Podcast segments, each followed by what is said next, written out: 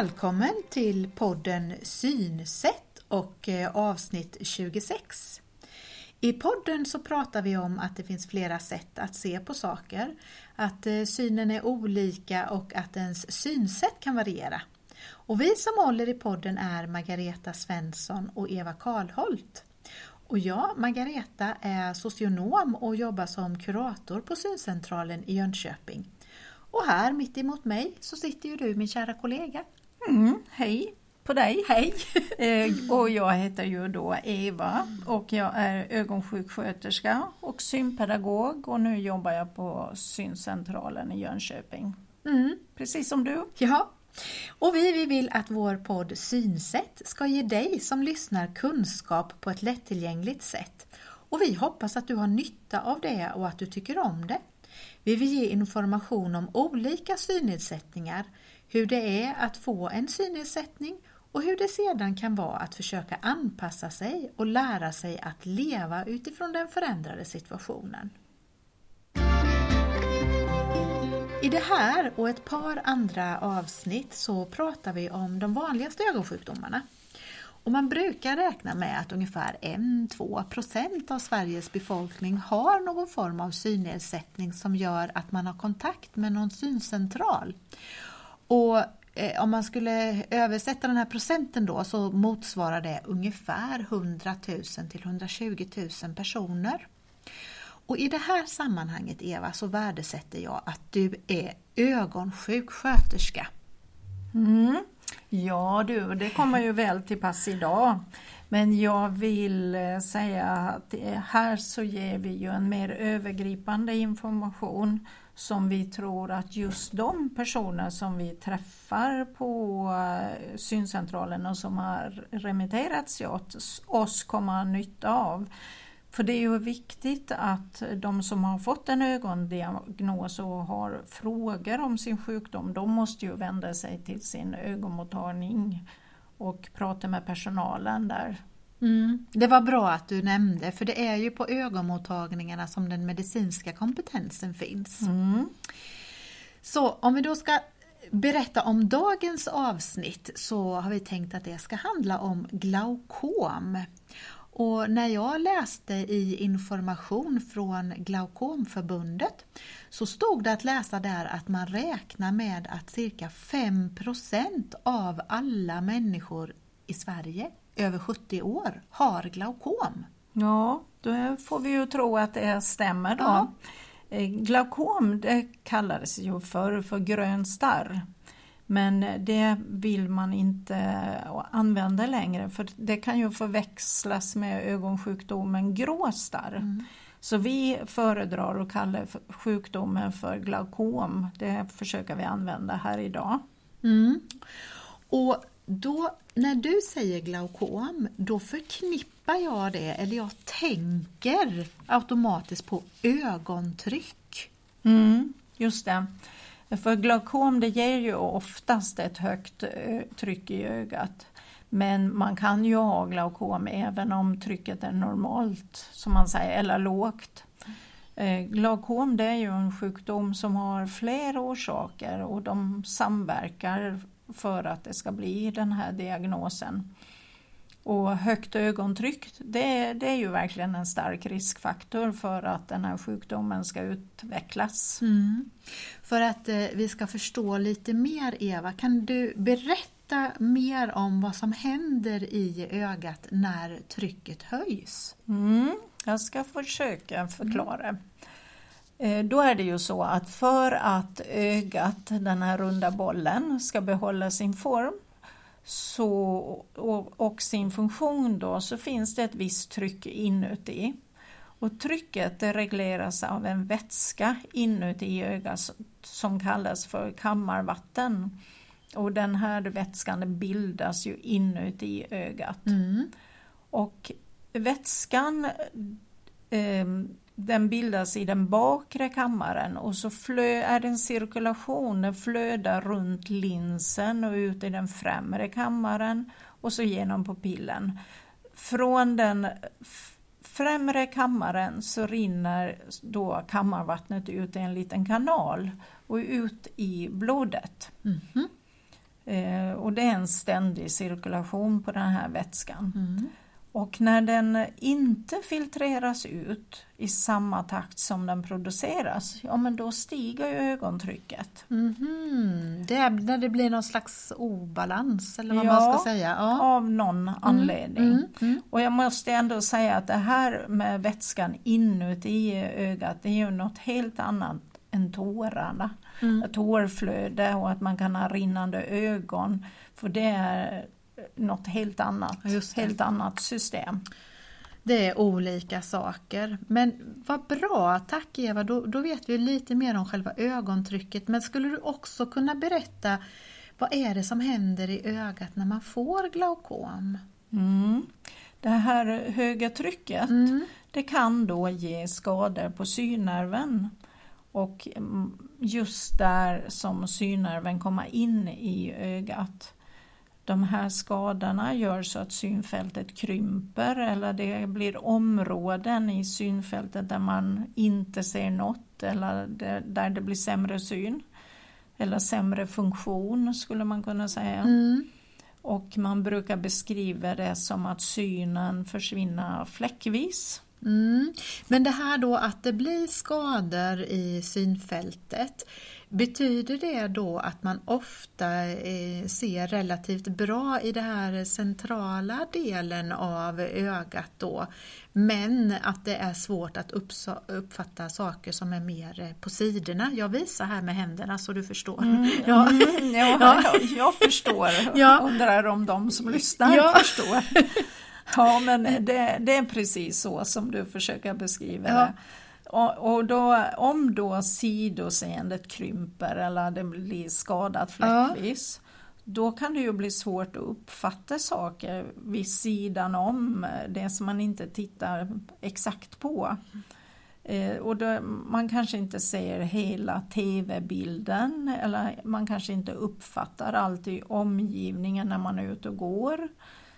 Och om eh, de här synfältsskadorna eller bortfallet blir eh, stort eller stora, då, då kanske det blir så att man stöter emot människor som, som, man, eh, är, som är vid sidan om en eller man går emot en dörrkarm för att man inte uppfattar det. För att det kommer utanför det området där man ser. Mm. Mm. Jag, jag har förstått att glaukom att det är en smygande sjukdom om man kan säga så. Eh, och, och att det beror på att sjukdomens förlopp ofta är långsamt.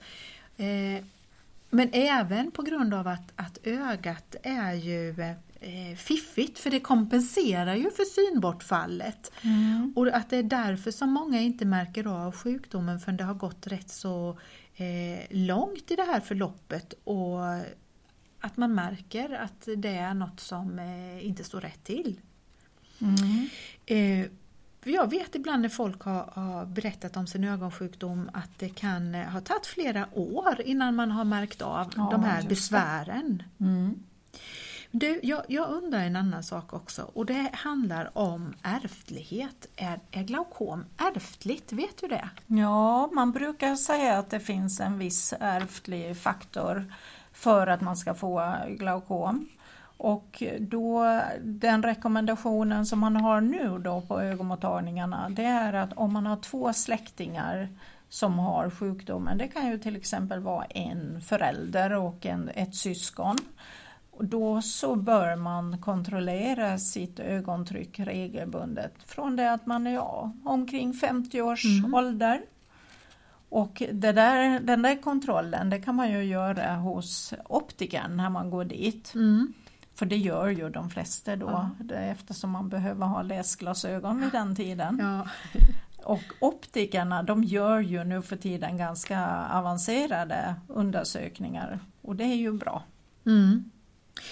Jag tänkte på det jag sa innan, just det här att det är en smygande sjukdom. Visst är det vanligt att eh, glaukom ofta upptäcks just vid eh, ett vanligt optikerbesök? Ja, för, då när man går till optikern så brukar de ju mäta ögontrycket eh, när man ändå går dit på en Mm. synundersökning. Och om det då visar sig att det är för högt så skriver de remiss till någon ögonmottagning.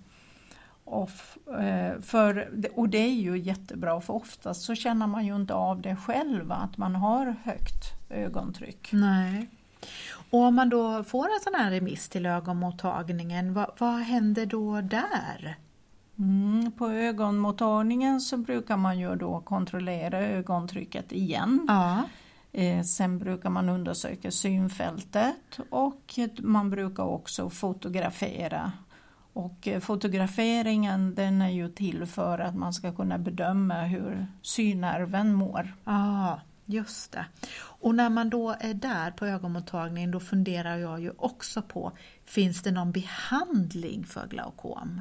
Ja, det finns behandling. Och behandlingen den är ju till för att lindra kan man säga eller för att bromsa sjukdomen. Men det går ju inte att bota. Eh, för man brukar säga att den här ögonsjukdomen den är kronisk. Och det är också så att om man har fått skador på synfältet så går det inte att reparera, det går Nej. inte att få det bättre på något sätt. Nej, det är tråkigt. Men den vanligaste behandlingen det är att ta ögondroppar. Mm. Och dropparna är ju då till för att ögontrycket ska sänkas. Mm. Och det är ju det är ganska vanligt att man får ta flera olika sorters droppar också, kanske till och med flera gånger per dag. Mm. Sen ibland så behöver man då göra en operation eller en laserbehandling. Men det mesta syftar då till att sänka ögontrycket. Ja. Och, och vad jag förstår så är det väldigt svårt att säga hur glaukomet kommer att påverka ens syn framöver. Ja, nej, det, det kan man ju inte, det finns ju inte något som gäller för alla. Men eh, prognosen är ju oftast god för glaukom. Eh, även om då sjukdomen inte kan botas. Nej. För de flesta behåller ju syn och, och bra syn livet ut. Mm. Många de lever ju med ögonsjukdomen och märker inte så mycket av den. Mer än att man då får ta de här ögondropparna och så får man ju då gå regelbundet på tryckkontroll och, och undersöka synfältet också. Mm. Eh, och det här med en livslång eh, trycksänkande behandling det är ju då nödvändigt för att eh, synfältsförsämringen ska bromsas upp. Mm, just. Mm. Men jag brukar också säga att den här sjukdomen är glömsk mm. för det händer ju ändå att, att det blir en försämring av synfältet och synen också kanske trots att ögontrycket är lågt och trots att personen i fråga tar sina ögondroppar regelbundet så kan det ändå bli en försämring. Mm. Ja, och så kan det ju vara för några av de personerna som vi träffar på syncentralen. Eh, och jag tänker på de glaukompatienter som vi har, alltså deras sjukdomsbild kan ju vara väldigt olika. Mm. När man väl kommer till oss så kan ju någon precis ha fått reda på att man har glaukom och en annan kanske har haft sjukdomen i många år och gått till ögonmottagningen och inte haft ja, några särskilda besvär. Men sen helt plötsligt så säger ögonläkaren att de inte får köra bil och det kan ju verkligen vara svårt att begripa. Ja, verkligen.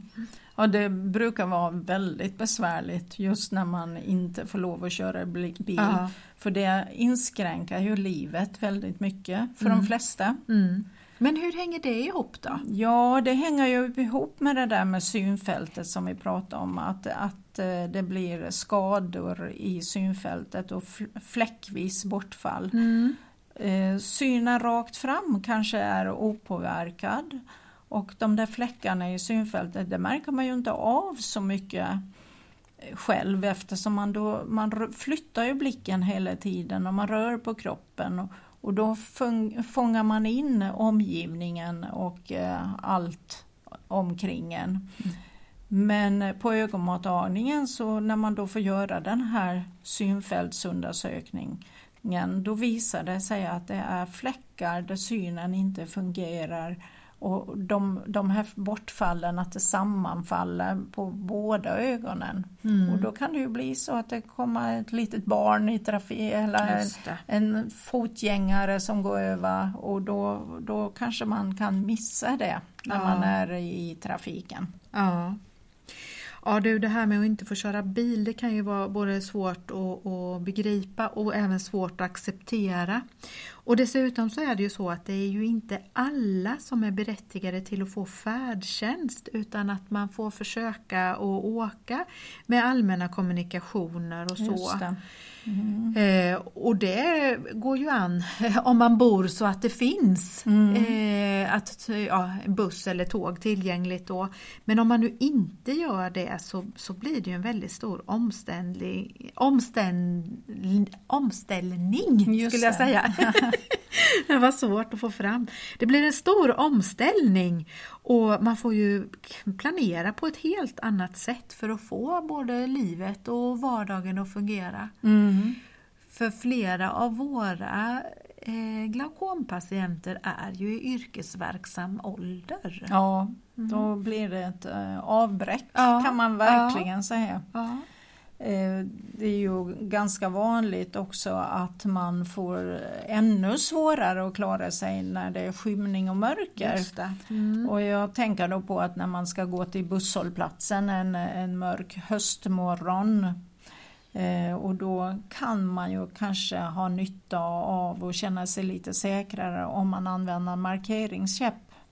Du vet den där Ja. lilla vita hopfällbara som vi har pratat om i något tidigare avsnitt. Ja, just det. Den där som man kan lägga ner i väskan när man inte behöver den. Men så tar man fram den bara just då när man behöver den. Mm. Mm, för det, för det, det är ju så att när det är ljust och man är van att gå en viss väg då, då upplever man ju oftast ingen besvär. Nej just det, utan den ligger där och väntar på att, eh, att bli behövd helt Mhm. enkelt. Det är, ja. ja, men du förutom det här att ha en markeringskäpp eh, till hands så kanske vi ska ta några fler tips som eh, kan vara passande. Jag tänker, ja men just utifrån om man har glaukom. Visst hade du något? Ja, jag tycker nog att eh, flera av dem behöver ha väldigt mycket ljus Just, för att mm. det ska gå bra. Eh, och då tänker jag att man måste ju ha tänt, eller allmänbelysningen Mm. ska vara tänd och sen att man behöver ha extra ljus när man ska ja, till exempel läsa eller arbeta med någonting. Det är särskilt viktigt för de här pe- personerna. Mm. Eh, och det kan nog ha att göra med att många, när vi mäter och gör våra undersökningar så kommer vi fram till att eh, kontrastseendet är nedsatt. Just det. Men sen tänker jag på en annan sak som vi brukar prata om, det är ju att det är viktigt att ha ordning Mm. hemma, Just. ordning och reda och bestämda platser till alla grejer hemma. Mm. Och det, jag menar, ja, husgeråd och specerier i skåp och lådor i köket och även grejerna i badrumsskåpet och ja, sina kläder kan ju vara bra om man har ordning på Mm. så man slipper leta. För de där fläckarna i synfältet det gör ju att det blir svårare att få överblick och man kanske det tar längre tid att leta upp en sak. Mm. Så man tjänar på det här, det går inte åt så mycket kraft till Nej, att hålla på och, Man och slipper leta. lite frustration tänker jag. Ja, precis. Ett annat tips som jag tänkte på det är ju att eh, bli vän med sin smarta telefon. Eh, dels så kan man ju faktiskt ha den som eh, ficklampa när man behöver extra ljus och inte alltid har den här extra Mm. Lampan som du pratade om. Jättesmart. Ja, men man kan ju också prata med sin eh, mobiltelefon, alltså ge olika röstkommandon.